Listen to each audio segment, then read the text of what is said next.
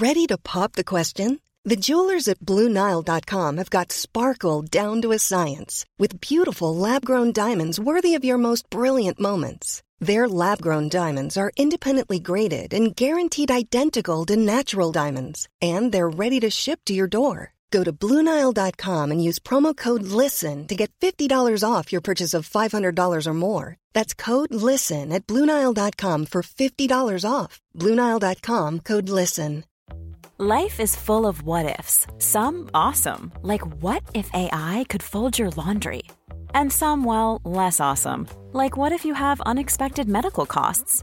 United Healthcare can help get you covered with Health Protector Guard fixed indemnity insurance plans. They supplement your primary plan to help you manage out of pocket costs. No deductibles, no enrollment periods, and especially no more what ifs. Visit uh1.com to find the Health Protector Guard plan for you. Podplay.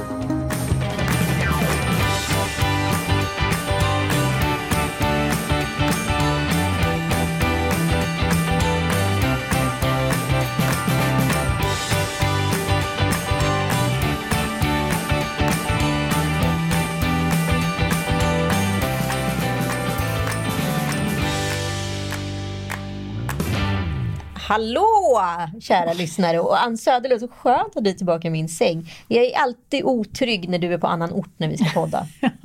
äh, nu Emma. hemma. Vi, vi, är inte så långt ifrån varandra. Nej, verkligen Nej. inte. Verkligen det är inte. mysigt att sitta i den här sängen. Ja, det har liksom ja. blivit eh, vår poddinstitution eh, under corona. Jag tänker så här, är det så fräscht att jag sitter... Är det här Joels sida? Ja, det är Joels sida. Han, är, vet, han är ju också en basilrädd människa. Han kanske inte älskar det där. Nej, men han har aldrig sagt något. Nej, jag kanske får ta med en plast. Prasslar. Inlindad i plast. Eget lakan. Du har ju också suttit under täcket vid x antal tillfällen. Ja, men det har jag inga problem Jag kanske ska sova naken. Ja, det kommer han uppskatta. Det kommer han verkligen uppskatta. Det var länge sedan naken. Det där tycker jag är så roliga insikter när man är två kvinnor på fjällsemester och ska basta. Ja. Förfallet. Förfallet. Jaså?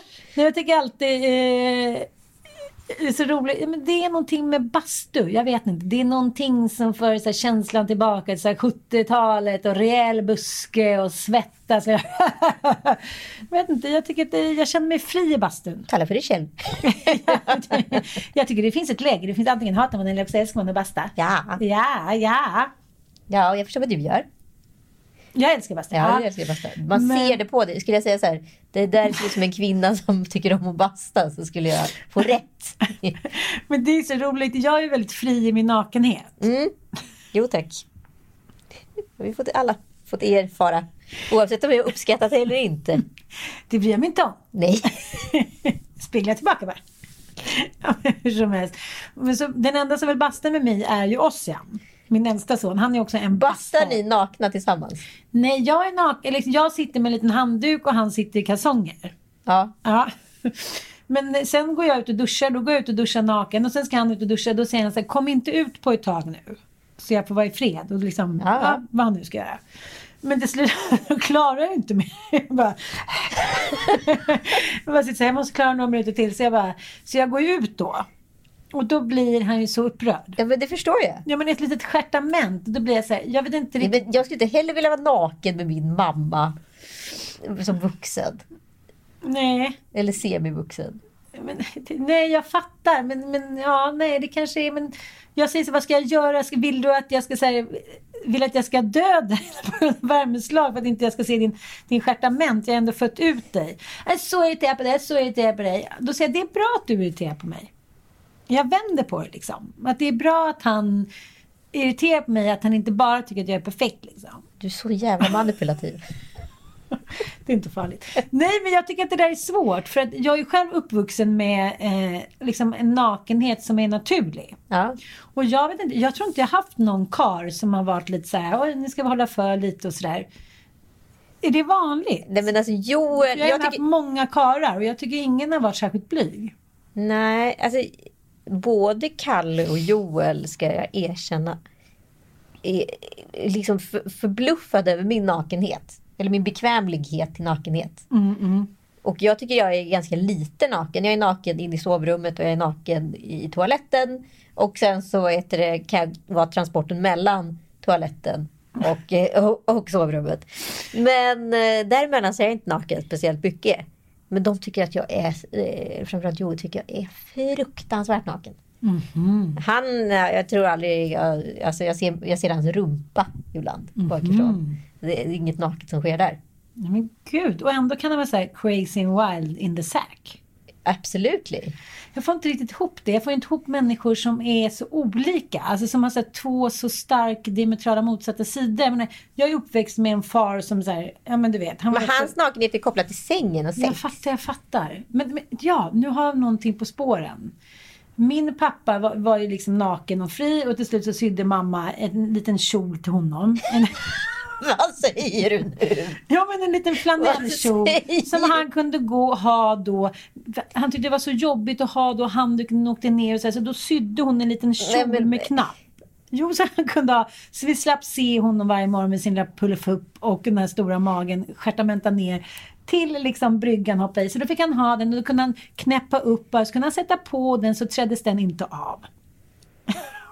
Det här är det roligaste jag har hört. Manskjolen. Sen sydde han också snopppälsen. När han frös och nio när han skulle ut och åka längd i, i spåren i fjället. Då frös han om snoppen, den blev så liten och kall. Då fick hon sy en liten snopphållare av kaninskinn. Som man stoppade ner den snopptomten i och sen så... Du skojar med mig? Du skojar med mig? Att hon har sytt en snoppstrumpa Ja. i kaninskinn till din pappa så han inte skulle fisa om Noppedoni. Och den stoppade han sen in i ett par kalsonger eller var han... Ja, han stoppade in så för han hade liksom stoppat ner snoppis i lilla värmekitteln. Det här är det roligaste jag har hört. Nej, Är det här liksom ett vedertag? Du pratar om det som att det gör, gör alla föräldrar. Jo men är det inte så att allting som har skett i ens familj när man är liten, så när man pratar om det så framstår det som helt bisarrt. Men det tycker man ju inte men om de små egenskaperna i ens egen Nej, familj. men de egna små reglerna, det är lustigt tycker jag. Det Det, är väldigt lustigt. men det jag tänker är att det finns ju två olika, eh, de som här, särskiljer sexualitet och nakenhet. Som din, din man. Men Ja. i morse så såg Mattias och knäppte skjortan naken. Jag bara, okej, men ska, vi ska inte jobba ändå med kanske små kalifjupper och sen sätter vi på oss Men varför säger du, hur, kan, hur har du mandat att säga det som alltid springer runt som trollemor? Det är sant. Men, men det kanske är så att, att han... Du är ju bekväm med din nakenhet. Ska du verkligen utsätta andra för det om du inte vill bli utsatt för andras nakenhet? Ja, men jag tycker bara att det var roligt att han stod med finskjorta och sen lilla Schnabbeluni. Att han, det var bara en rolig bild. Ja, okej. Nakenhet är ju roligt. Ja, absolut. Jag var på toaletten med en tjejkompis eh, som är extremt oblyg. Och då sitter jag ner och kissar och hon står upp och pratar. Och då har hon på sig några så här svinsexiga underkläder som hon vill demonstrera för mig. För hon vill berätta då att strumpebanden, de ska man ha under trosorna. Där det stora liksom Okej. eh, och inte över. Så då drar hon då demonstrativt ner trosorna vilket betyder att jag då har hennes mutta ungefär 30 cm från mitt ansikte. Och jag blir så oerhört stressad av det där för man sitter ju också fast på en toalett så man kan inte, så här, man kan inte värja bort sig tillräckligt länge. Och hon var väldigt bekväm med sin nakenhet. Och jag, så här, jag, jag, jag vill inte få nakenhet kastad i ansiktet på mig på chockerande sätt. Kan- Däremot i, i vad heter det, utrymme som en bastu där nakenhet känns 100% naturlig. Där är inte nakenhet problematisk alls. Men jag tycker det är ganska intressant. För när jag, när jag var vältränad den korta passagen mellan snokfarbrorn och Mattias. Ja. Då var, hade jag ju liksom en kropp som jag var så här: okej. ja men så slängde jag i väggen typ. Jessica Almenäs. Alltså nej men inte slängde i väggen. Men det, det var ju en väldigt välkänd kaliber. Och då var det väldigt härligt tyckte jag. Att flånta min kropp. Att visa upp sin Ja, nakenhet. att stå i bikini dit. Och då hade jag en, liksom, känslan av mig själv som en varelse som tyckte om... Jag blev exhibitionist, kroppsexhibitionist helt plötsligt. Ja, men jag, jag det är jag inte längre.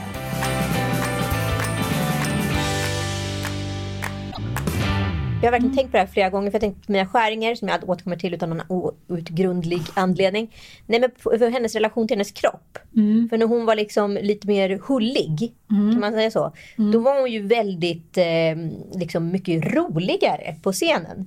Och mer bekväm med sin nakenhet. Så tänkte jag också på mig själv i sådana situationer när jag har varit lite, lite mer, haft lite mer hull i livet. att då blir liksom nästan kroppen som en eh, fatsuit. Förstår du? Som man sätter på sig. Och då, och då är man liksom inte, då är det inte det något farligt. Därför jag tänker på Celeste Barber och där. Det är, inget, det är inget farligt för dem att visa upp sig för de tycker liksom inte att kroppen är på riktigt. Sen när jag gick ner i vikt efter eh, vi separerade och alltihopa och blev ganska snygg i kroppen. Liksom, eh, Enligt dig. enligt mig. Ja, men enligt, enligt gängse värderingar. Enligt säga. gängse värderingar. Eh, då vad heter, kände jag direkt att då var min kropp en annan typ av kropp. Så där kände jag en större blyghet med min kropp. Samtidigt fattar. jag försökte framhäva den. För att visa, kolla vad fin jag är. Eller känner mig. Så jag var egentligen mer bekväm i min nakenhet eller i min kropp. När jag var större än när jag var mindre. Men jag var mer stolt över min kropp. Men var tvungen att dölja det. Eller framhäva det på jag rätt fattar, sätt. jag fattar. Men jag tror också att man... När man har fött många barn som jag har gjort så tror inte jag att man riktigt följer med heller. Hur kroppen förfaller eller hur de går tillbaka hit och dit. Jag har liksom väldigt svårt att vara så här, se min kropp för vad den är. Ja. Förstår du lite vad jag menar? Och det var så intressant för en, en ganska ny så här, tjejkompis sa till mig så här. Men ja, du är så cool hon för några veckor sedan. För så här, som i somras, så här, men du med din navel med brock och så här. Men hon sa ju inte så här. För att Och pika jag dig. Nej, hon sa bara så här, när du bara hoppade ut i vår pool i bikini. Jag var så här, wow! Jag var så här, jaha, vadå?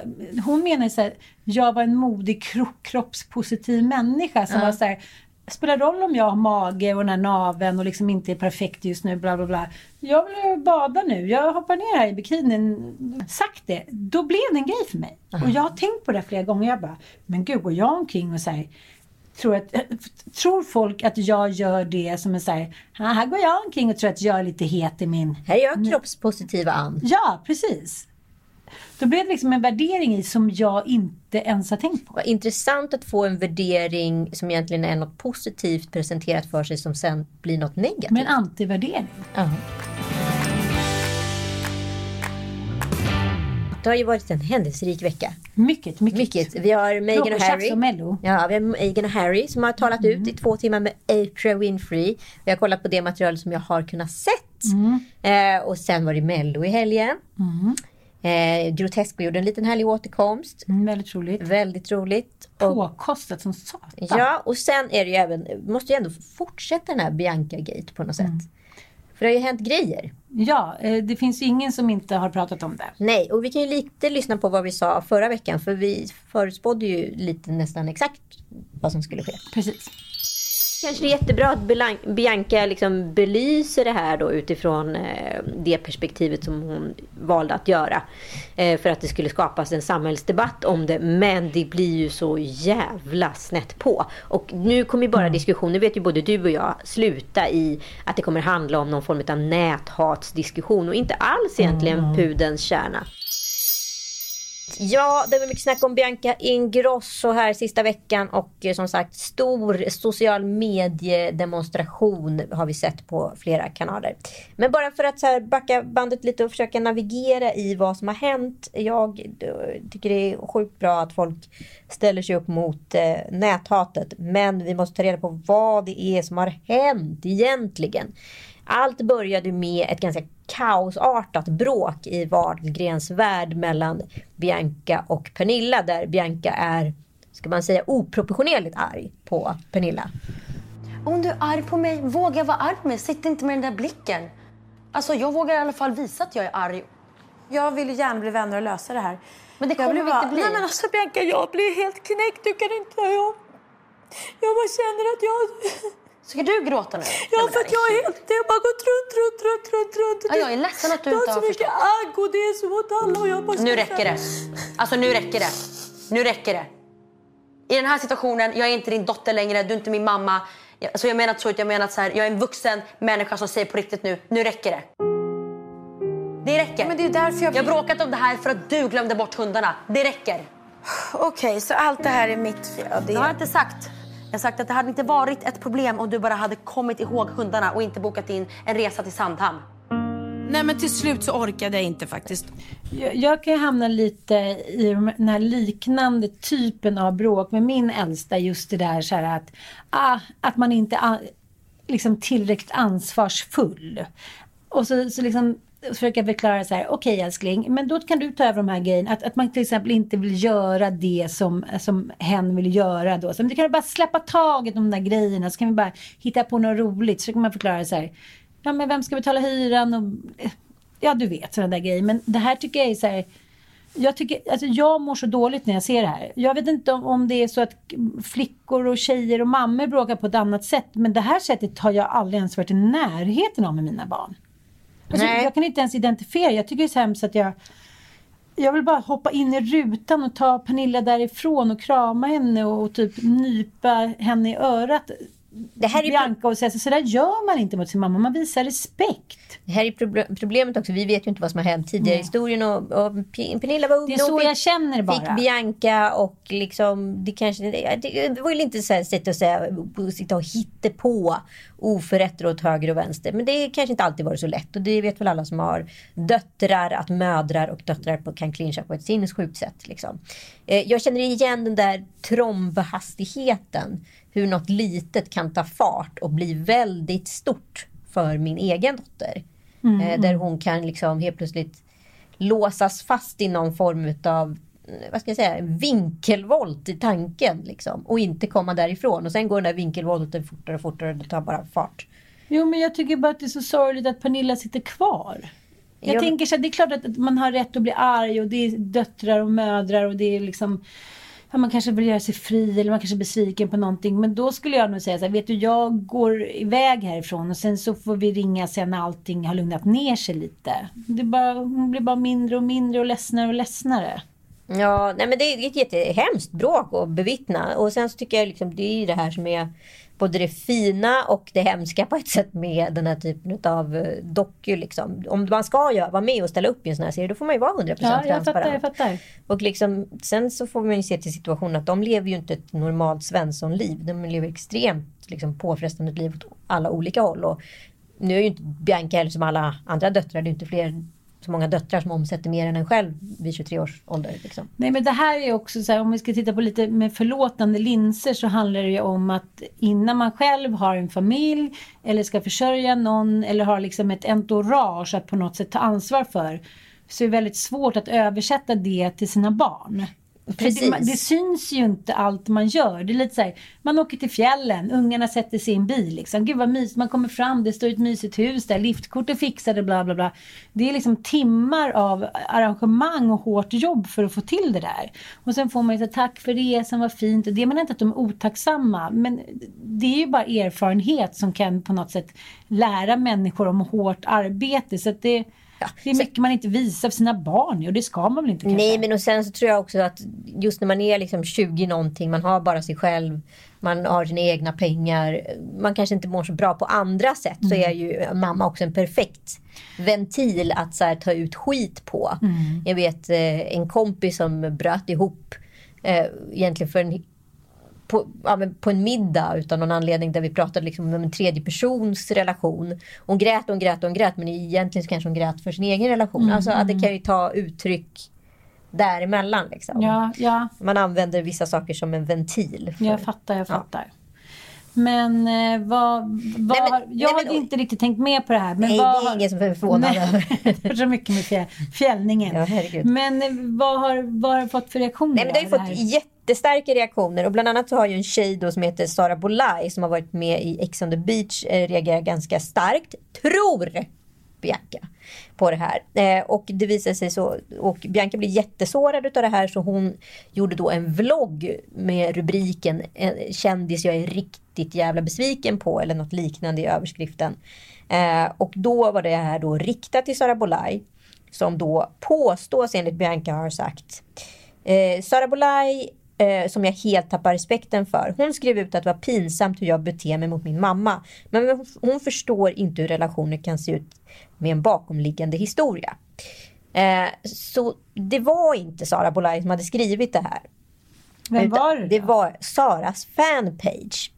Där det var, man vet inte vem det är som har skrivit det här. Eh, och då pudlar då Bianca på sin Insta-stories genom att bara retweeta eh, den här misstaget då som har kommit till henne. Eh, och så inte så mycket mer med det. Men det som har skett innan är ju det här bråket med mamman. Eh, det är den här kampanjen för Deodoc. Och nu det här där hon får jättemycket skit utav folk som är så här, fast det är ju inte Sara som har sagt det där. Och det här då resulterar i någon form av hatstorm som då Bianca blir jätteledsen för och sen går liksom x antal eh, influencers ut och eh, pratar om näthat. Jätte, jättebra. Mm. Såklart att det väcker debatt och folk, när sådana här saker sker så tenderar ju folk att inte kunna hantera sina ord i sociala Men vadå, medier. de här Insta-influencerna, de gick in, var det för att försvara Bianca? Ja. Jaha, okej, okay. Okay. Mm. Mm. Nej, men jag förstod inte vad, vad syftet var. Nej, och då, då, då säger det är klart att det är jättebra att debatten om näthat väcks. Men då måste jag bara ställa den andra frågan. När en person med en sån här stor plattform gör såna här saker. Mm. Eh, och det är liksom, för ett, ett kan jag tycka så här, hon har så pass mycket cash så hon skulle kunna skita i både vlogga och göra reklam för det och dock. Det, det är ju en grej. Om man inte vill. Mm. Förstår du? Är lite beroende av uppmärksamheten på det sättet. Så det skulle vara ett sätt att komma bort från konflikter. Nummer två är det så här.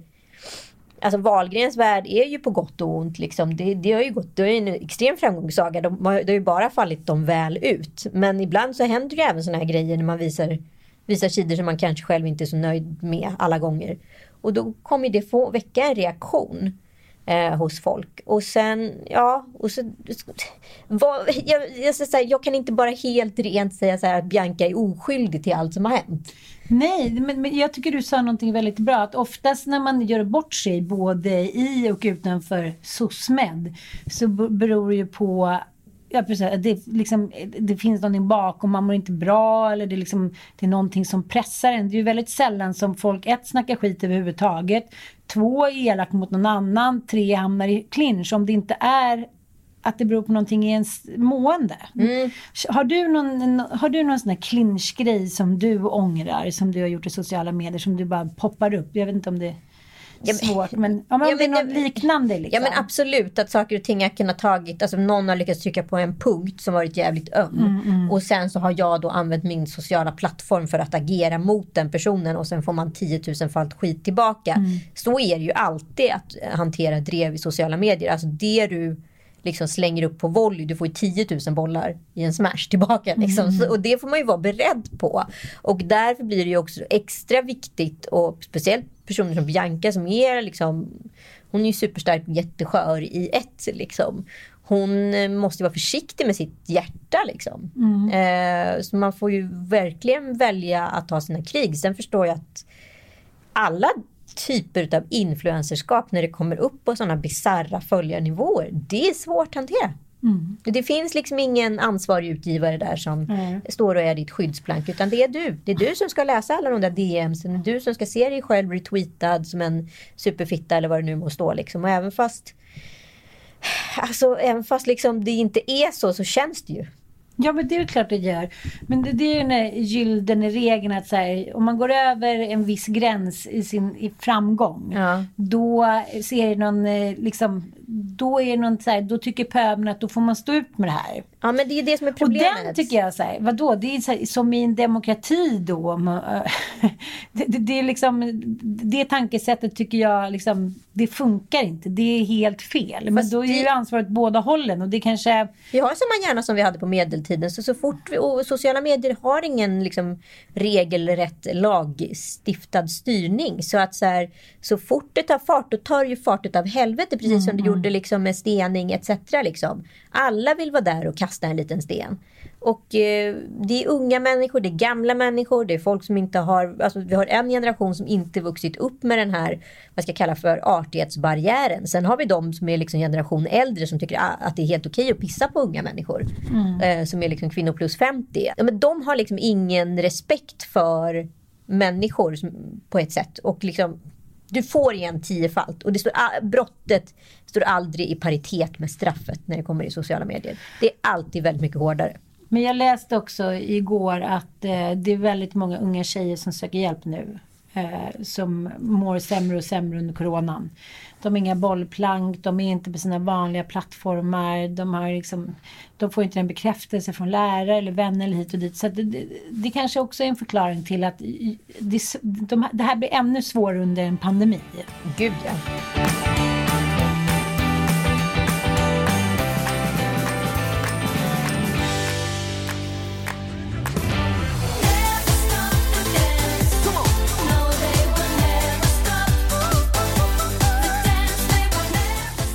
Jävligt spännande det att under den här mellon så har det inte skett några skrällar utan eh, de förhandsfavoriterna har vunnit och det har inte varit liksom Ja, det är väldigt tydligt att alla är i behov av trygghet just nu. Och då är det bara jobbigt. Det får inte vara någonting som stressar upp en ännu mer. Nej, nej, nej, nej, nej. Det är spännande tycker jag. Ja, men du var ju jättekluven. Jag tyckte att Shirley Clamp var jätteduktig. Jag tyckte det var jätterolig. Hanna Granat som regisserar alla de här mello-grejerna. Hon är ju fantastiskt duktig. Ja, men jag vet inte. Jag, jag tycker att det, som har varit bra är att alla eh, alla deltävlingar har ju varit helt diametralt olika duos. Ja, och vilket jag, jag tycker har formulerats otroligt bra. Jag älskade ju Oscar Sia och Anis Don Demina duon. De var ju helt otroliga. Helt otroliga. Men, men jag, jag ser också så här, det här blir väldigt tydligt för mig. För när du och jag sitter koncentrerade, bara du och jag, och du visar saker för mig. Då ser jag med andra ögon. Men när jag sitter med typ nio grabbar som ska ha chips och dippa upp och ner. Ska du verkligen bedöma saker då, tänker jag? Nej. Nej. varför varför ska res man... recensören, som nej, jag nej, kallar jag vet. komma in? Jag tycker det är intressant att man säger, fan man måste vara närvarande när man ska på något sätt tycka till om saker. Och det är det som jag tror är det större problemet. Man säger, ah för fan du har dåligt, de är så hit och dit. Man, man, man har liksom inte tid att vara proffsig. Eller är det så att vi har tagit in våra sociala mediebeteenden till tv? För på sociala medier är det ungefär två sekunder säger man. Att, så här, ska, att så här, så här, fånga din publik liksom. Mm. Men eh, då tänker jag, fan det är ju jättejobbigt ur ett tv-perspektiv. Ja, men jag tänker, det senaste deltävlingen var egentligen den som var mest fulländad. Det var, eh, ja, men det var liksom lite roliga sketcher, det var väldigt bra. Där Hall of Fame gjorde att det blev eh, men, olika höjd på inslagen. Så liksom, den var egentligen den som var bäst producerad. Sen var ju Pernilla och Per liksom det tokigaste, roligaste, galnaste som var så här att man ville bara vara kvar i den där mellovärlden. Gud ja, jag vill ju flytta in till dem. Ja, men det var hem det som är hela vara- meningen med Mello. Så på något sätt så har ju pengarna lagts på det visuella och lite mer kanske på showen än vad det brukar göra i vanliga fall. Och grejen är ju så här, man kan luta sig mot publiken med det. Ja men grejen är ju att den här publiksituationen den har ju bara funnits de senaste liksom, ja det fanns ju på 80-talet när liksom Carola gjorde Främling. Sen så kommer jag ihåg när Styler de var med 86, då var ju allting musikvideos och då var det bara en liten studio. Just det, Dove Calais var ju musikvideo. Ja, och sen var det ju liksom studiounderhållning jättemånga år. Och sen drog ju liksom själva melloturnén igång för liksom, vad är det, 15 år sedan. Så har, vi tror ju liksom att allting sett likadant ut hela tiden. Så har det ju inte gjort, utan det här är egentligen inget nytt ur ett SVT-perspektiv. Nej, fattar, Det här är en traditionell melodifestival. Ja, så är det faktiskt. Det har jag inte ens tänkt på. Inte dumt skulle jag säga. Precis. Nästa år så... Men jag tycker att det har tagit sig lite också. Men just när osäkerheten i början när det inte fanns någon publik. Lite så här 70-talsstil. Så Vad ska man titta? Men sista, de två sista var ju liksom ja, men väldigt professionellt tycker jag. Ja, vem tror du vinner då? Eh, jag var ju med i mellopanelen P4 Extra och gissade då att Erik Sade och eh, The Mama skulle gå vidare direkt och det gjorde de ju. Så att jag har väl lite tumme med det där va. Så att, jag tror att eh, Erik Sade vinner. Mm, det tror inte jag. Jag, mina barn som ändå brukar ha, eh, Max Martin säger det, man ska testa alla låtar på barn. Och gillar barnlåtarna då vet man att den är hit. Okej, men gillar inte de Erik Sade? Nej, de har inte alls Va? fastnat för Erik Saade. De älskar Anton rhythm.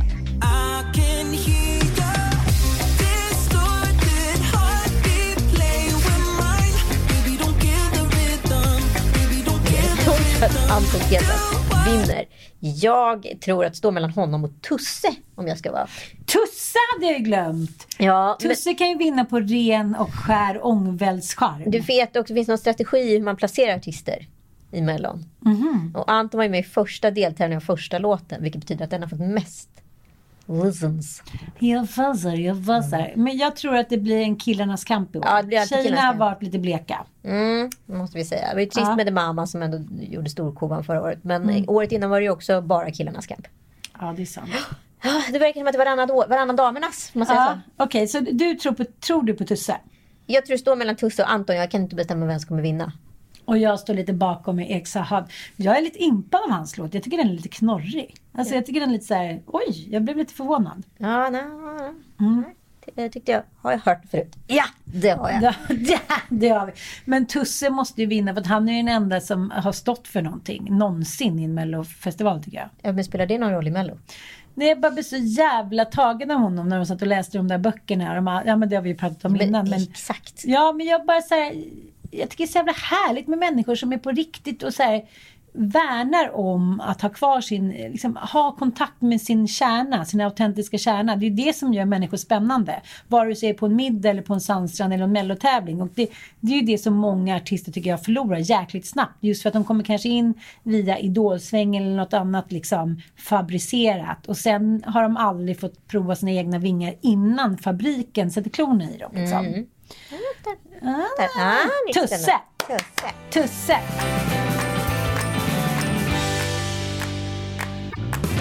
Nu måste jag berätta för dig om någonting som jag har tänkt på här i veckan. Eh, Jag eh, var ju uppe i Åre under sportlovet och är väldigt eh, trött nu på alla covid. Jag förstår att det är många som är drabbade. Jag kommer aldrig säga emot det. Men nu, nu lite räcker det med pekpinnar. Tack. Vi försöker alla göra vårt bästa av vår situation. Med det sagt så kom jag på en intressant eh, grej som hände under Årevistelsen. Jag var ju med i Nyhetsmorgon på fredagen, samma dag som vi åkte upp.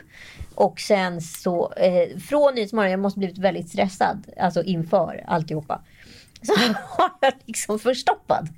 Jaha, Och i, och i Åre så eh, eh, gick det liksom inte. Det gick bara inte. Det var för liten toalett, det var, gick, det var inget riktigt lås. Ja men du vet, jag var så här, ja, men du vet, det, bara, det gick inte. Och så tänkte jag, men jag håller ut. Det, det, Det var för litet lås. Ja, men, så här jättelås. jätteglas. Du vill ha så här medeltida lås. Man så här hakar på. Ja, jag fattar, jag fattar. Ja. Nej, men, nej, nej, nej, nej. Vi måste tillbaka, vi måste tillbaka. Vänta nu här. Du, vadå? Det var för litet lås. Nej men det var för litet lås, det var för liten dörr skulle jag säga. Det var för liten så tunn dörr. dörr, och det gick dörr. inte att låsa den. Det var inte för litet lås. Hur som helst, så, så, så på väg hem var jag såhär, fan jag måste åka förbi apoteket och köpa så här medel för det här går inte längre. Det är panik. Sån där som man stoppar in. Mm. Vad heter det nu? Mikrolax. Just just. Ja, men hur som helst, det hände någonting märkligt. För när jag kom hem innanför dörren så bara var jag tvungen att gå. Förstår du? Alltså när du kom in här hemma Ja. i Stockholm. Innanför dörren, då bara kom det naturligt. Men det där är ju barngrejen. Nej men alltså det är ju förstoppningsteorin. Alltså saker du inte så här, där du tror att du så kan hjälpa till att kontrollera. Men vad tryggheten gör för liksom, underliggande känslor och vad det så här, frigör i systemet. Men vadå, hur länge hade du inte bajsat på? Jag hade bajsat li... Måste vi gå in i det här? Ja, jag tycker det är intressant. Hade du bajsat knortar? Ja, Det är världens roligaste uttryck. Knorta. Den men alltså men gud, det måste vara så jobbigt. Ja, Jag men kan vi bara så här, sluta prata om... Nej, men bajs är intressant. Ja. Det är mycket forskning kring det där. Ursprungsbefolkningen, hur de bajsade bra och sen så började vi äta socker. Jag har liksom inte varit förstoppad på tusen år, så jag var också liksom i chocktillstånd. Ja, var det typ en hög? Gödselhög? Vi behöver inte gå in på detaljer, men alla som har varit förstoppade en längre period vet att eh, it's more than a handful. Jo, jo, jo. Jag är uppväxt med, med en son med, med, med pr- problem kring det där. Mm. Mm. Mm. Han var tvungen att komma hem, Klaus är naken. Ritualen, sätta sig ner. Ja, det där Mm. eh, känner jag igen. Du gör också det, eller? Nej, men jag vet andra personer i min närhet som har gjort sådana grejer. Ja. Det är helt fascinerande. Ja. Måste vara naken för att kunna tömma. Ja, Men jag kanske var, jo, jag har nog gjort det själv när jag var liten, liten. Men där är jungianskt just så här att man inte vill släppa ut Precis, saker. Ja. kontroll. Mm. Nej, men det som kom fram till mig var ju den här trygghetsgrejen som hänger ihop med förstoppningsteorin som jag själv då har skapat. Att, Nej, så- Jung. nej, men att, eh, att vad heter det, folk som... Jag tror att folk mår dåligt i många relationer och liksom inte känner sig trygga. Och då försöker man kontrollera det på olika sätt genom att så här, inte vet jag, göra olika metoder, ha olika teorier, ha olika principer för sig och så vidare. Och så blir man fortsatt inte lycklig för man är inte trygg Nej, i sin relation. Och sen när man helt plötsligt är i en relation där man är trygg, då slapp, släpper alla de här teorierna och principerna gud, ja. moralen. Eller hur? Ja men gud, jag kommer ihåg han, han som slog mig, den mannen. Då var jag alltid tvungen att gå upp, eh, då var jag 25. Då var jag alltså alltid tvungen att gå upp och ta foundation innan jag gick ut honom för att jag kände mig så gammal. Precis. Och Tänker du att blir det var lyckligare utav det. Nej men alltså, han fick mig, det var ju hans liksom psykopat eh, liksom grej till mig att han ville att jag skulle känna mig osäker rent fysiskt och liksom fysiskt och därför sätta mig på psyket. Han var själv så otroligt vältränad och liksom var så mycket hela tiden med utseendet och lightprodukter och bla bla bla. Så att eh, det satte sig ju jätte, det tog ju bara några veckor och sen så kände jag mig ful, gammal, tjock, eh, bla bla bla bla. Det går ju snabbt. Mm, Gud ja. Mm. Jag kände mig aldrig, aldrig trygg Nej. i mig själv under de två åren. Nej, men och så tänkte jag då, det här föranlett mig att tänka vidare då på Meghan och Harry. Ha. Mm, som nu i natt, det här är alltså måndag, vi spelar in där, eh, var med i en två timmars intervju med Oprah Winfrey. Och vi ska lyssna lite på den intervjun.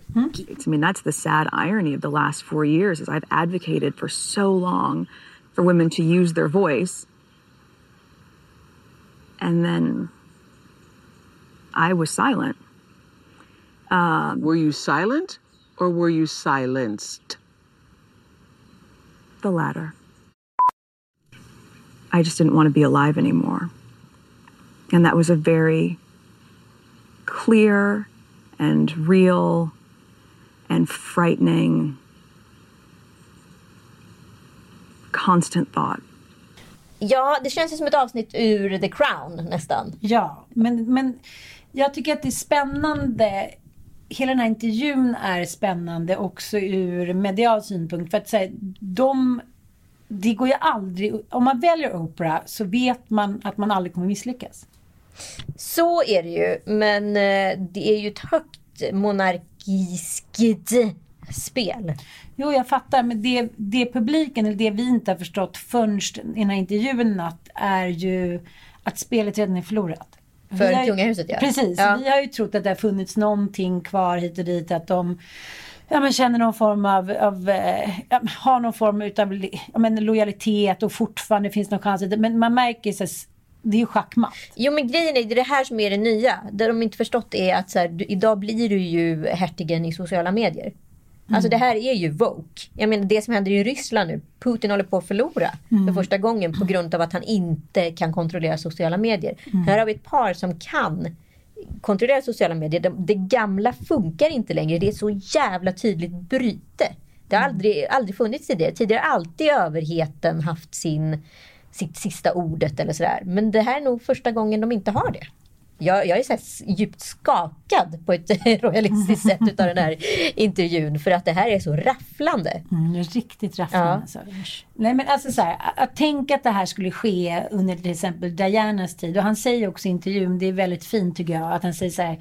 Nej men jag kan inte ens, jag kan inte ens föreställa mig hur mamma hade det när jag ser Megan som har varit med om det här, den här mobbningen och rasismen under några år. För Diana var ju hon var ju helt ensam, hon hade ingen livserfarenhet. Hon, liksom, hon, hon offrades verkligen som ett så här offerlamm till slakten.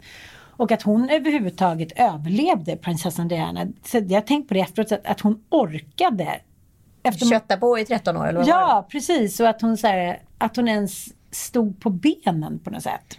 Helt otroligt. Helt otroligt. Men eh, han säger det liksom att så här, han var ju rädd för att historien skulle upprepa sig och eh, han hamnade också på ett dark place som han uttrycker.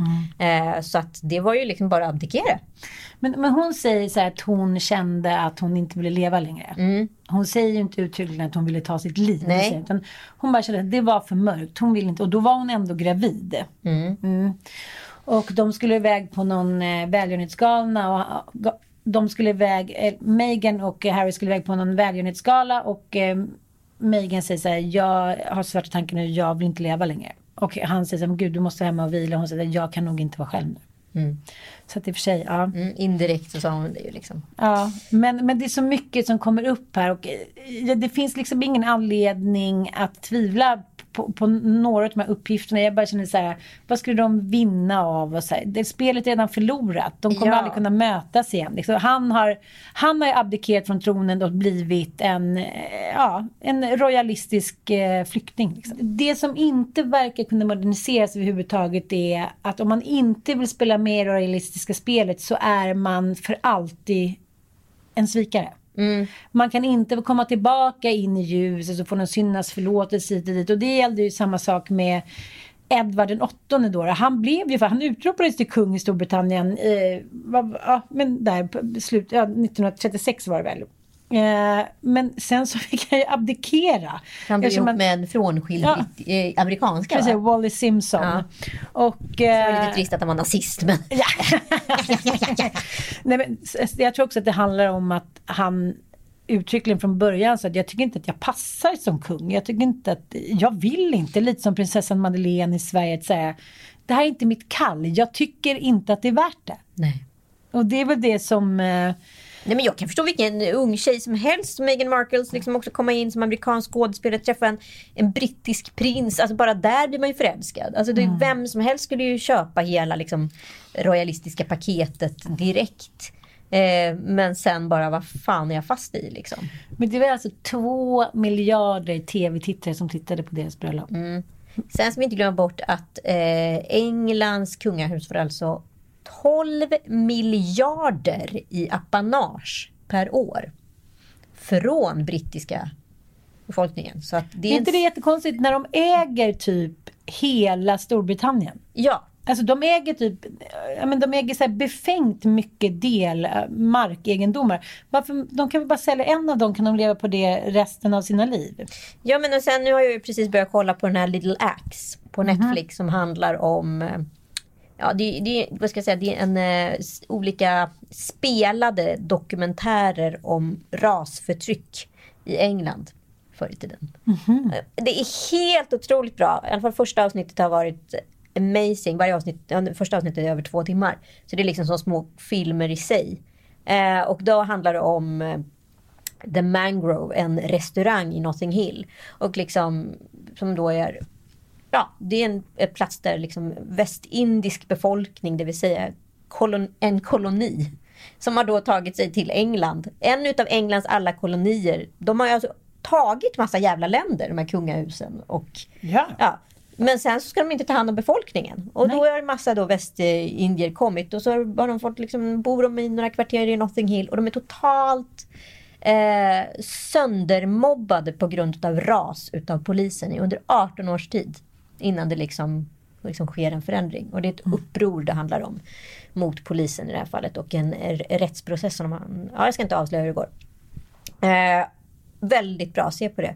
Och det kan vara så här, det här jävla kungahuset. Jag tycker det är så äckligt. Jag tycker det är så äckligt vad man har gjort mot Indien, mot, mot liksom hela världen. Hongkong, Kina, eh, Västindien, whatever. Falkland. Men jag tänker också att just eh, den eh, pikanta lilla detaljen som Megan eh, berättar om att, att någon i kungafamiljen, vi vet inte, du trodde att det var Jag tror att det är Philip.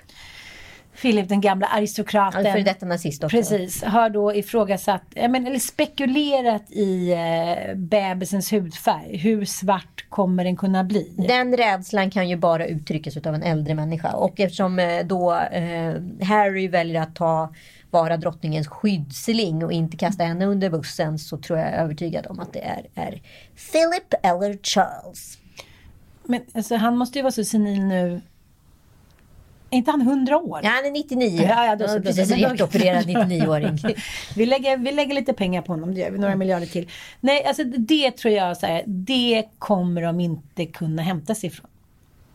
Nej. Nej. Men nu tror jag faktiskt att den här eh, spiken i eh, kistan är satt och det är en riktig uppförsbacke för både Charles och stackars William som nu, som då också Harry uttrycker i intervjun att är ju fångna i det här systemet. De kommer inte därifrån. tycker bara att det är så ändligt sorgligt. Det var... Eh, Det hörde också att man fick lämna in sitt pass, sin legitimation och sina bilnycklar när man checkar in på Buckingham Palace. Så hon kom ju inte därifrån. Hon kunde ju alltså inte söka hjälp själv.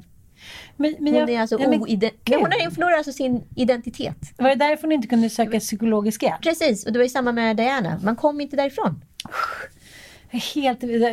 Hotel California, så här, en Ja. mass. Exakt. Jävligt risigt alltså. Hör, jag är så upprörd och exalterad i ett... Ja, jag vet. Nej, men det, det, är liksom, det, det är ju sensationellt. Men jag tycker problematiken med de här... Det som sker här är ju att det alltid upprepa sig på något jävla sätt. Tänk dig liksom båda de här sönerna som jag tycker verkar ha blivit fantastiska äkta män och fäder och br- bröder och vänner och hit och dit. Jag tycker det är två jävla bra manliga förebilder över, överlag. Inte för att de är så kungliga lite och dit. Nu händer det som deras mamma, som skulle kunna vara det värsta som någonsin hade hänt prinsessan Diana. Det känns så här, då var allt förgäves för henne också på något sätt. Jag tycker det är så oändligt sorgligt att nu är de inte kompisar längre. Och sen den där grejen då. Jag tror de kommer bli kompisar i Ja, framtiden. men alltså, den tyckte jag nästan var den jobbigaste. Så här, brudar som ska ha kontroll över giftermålet. Nej men då har typ eh, Kate, Kate blivit sårad för att hon inte tyckte om, var det så? Tyckte Nej, om, hon hade blivit arg, hon tyckte inte om brudtärnornas klädsel och så hade hon, Megan blivit ledsen. Ja men du vet, så här, Ja, men så ja, känslor, precis. svägerskor. Mm. Eh, ja, etc. Och så hade då nyheten vänts på då från brittiska hovet Ja. att det var Meghan, för man ville göra henne till svarta fåret hela tiden. Eh, som hade sagt där. Ja, för Kate får man ju inte röra för hon är ändå liksom en tronarvinge indirekt. Ja, och hon är vit. Ursäkta. Ja, vit. Men det är det som har.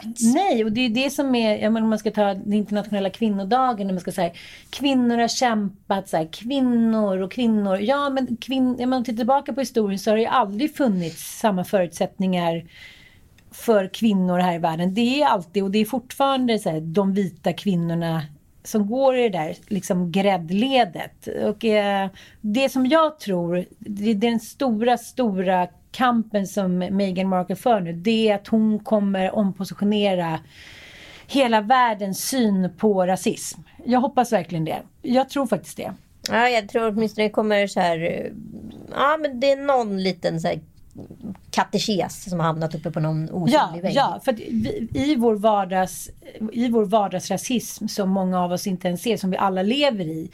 Eh, om vi erkänner den och här, sätter ljuset på den så kommer de här trollen mycket snabbare kunna försvinna. Kvinnor är argare, svarta kvinnor behöver inte samma hjälp när de föder barn. Alltså, det finns så mycket underliggande rasistiska koloniala föreställningar som de flesta inte ens tänker på att de har. Nej. Nej men vadå, bara kolla på liksom Madonna som åker och adopterar massa barn eller vem som helst. Alltså du fattar vad jag menar. Så här, Ja, "Åh, ja. Vit kvinna, stackars barn, allt är hemskt i Afrika. kanske bara kunde skriva en check på så här 20 000 dollar så skulle det här barnet kunna stanna kvar hos sina föräldrar resten av livet. Det är så mycket som har varit skevt och jag tror att Meghan Markle kan vara en feministisk ikon i, i eh, att sätta, liksom, ja, men, sätta fokus på de här frågorna. Det, det är liksom eh, fantastiskt tycker jag. Det kommer stå henne dyrt. Ja, det kommer nog otroligt dyrt. eh, dyrt. Det vet hoppas vi att om. hon pallar. Ja, får hoppas verkligen att hon pallar trycket. Harry Men- verkar ändå vara en, en, en stark ginger. Ja, men han var ju väldigt rolig måste, i James Corden-intervjun med honom. Eh, Mhm. eh, de gör ju en eh, rolig version med honom när de ska, du vet, den här carpool karaoke. Just det, just det, just det. Där hämtar ju då James Corden honom i en turistbuss. Och det visar sig att han aldrig åkt buss i hela sitt liv. Nej. Nej, han har aldrig åkt turistbuss och de åker ju liksom till förbi Fresh Prince i Bel Air, huset och allt möjligt. Ja men det är så roligt, se det på Youtube om ni kan, det är bara att googla. Eh, där säger ju då Harry att han har ju enklare att förhålla sig till The Crown som är en fiktion eh, med inramningen att så här skulle det potentiellt kunna se ut än en tabloidnyhet som påstår sig säga sanningen. Fattar. Eh, och den tycker jag var en väldigt fin och ärlig beskrivning. För han, han sa ju ändå mellan raderna att så här, ja, det, vi fattar att det är en fiktion, men det kan se ut så här. Mm. Än att säga att det här är sanningen. Mm. Jag tycker det var, ah, fan vad jag gillar honom. Åh, jag gillar honom så mycket. Jag med. Megan, you took my man. The gingers, the gingers.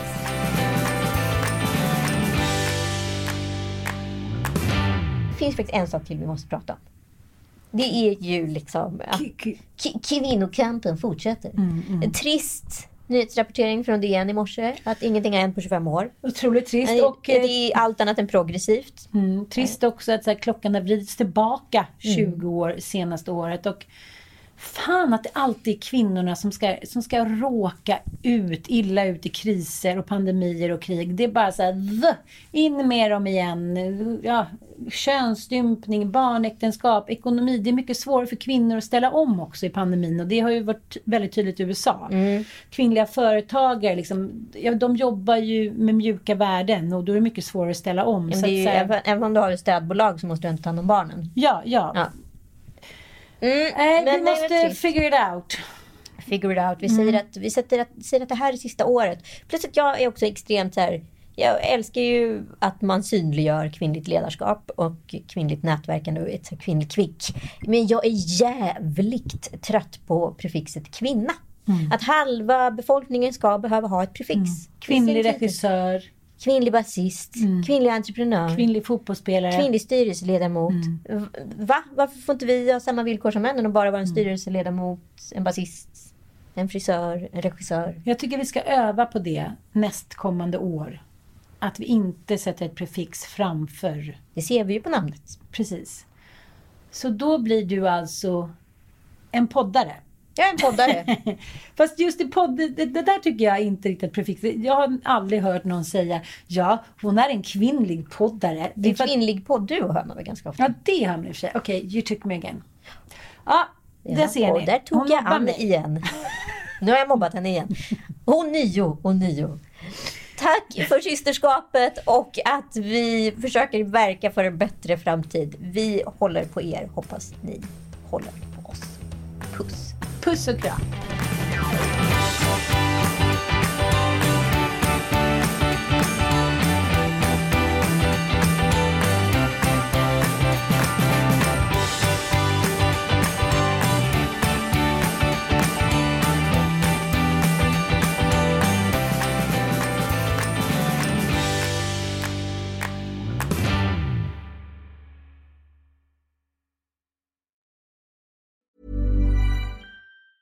Planning for your next trip? Elevate your travel style with Quince. Quince has all the jet setting essentials you'll want for your next getaway, like European linen, premium luggage options, buttery soft Italian leather bags, and so much more. And it's all priced at 50 to 80% less than similar brands. Plus, Quince only works with factories that use safe and ethical manufacturing practices. Pack your bags with high-quality essentials you'll be wearing for vacations to come with Quince. Go to quince.com slash trip for free shipping and 365-day returns. Imagine the softest sheets you've ever felt. Now imagine them getting even softer over time. That's what you'll feel with Bowl and Branch's organic cotton sheets. In a recent customer survey, 96% replied that Bowl and Branch sheets get softer with every wash. Start getting your best night's sleep in these sheets that get softer and softer for years to come. Try their sheets with a 30-night guarantee. Plus, get 15% off your first order at bowlandbranch.com. Code BUTTERY. Exclusions apply. See site for details.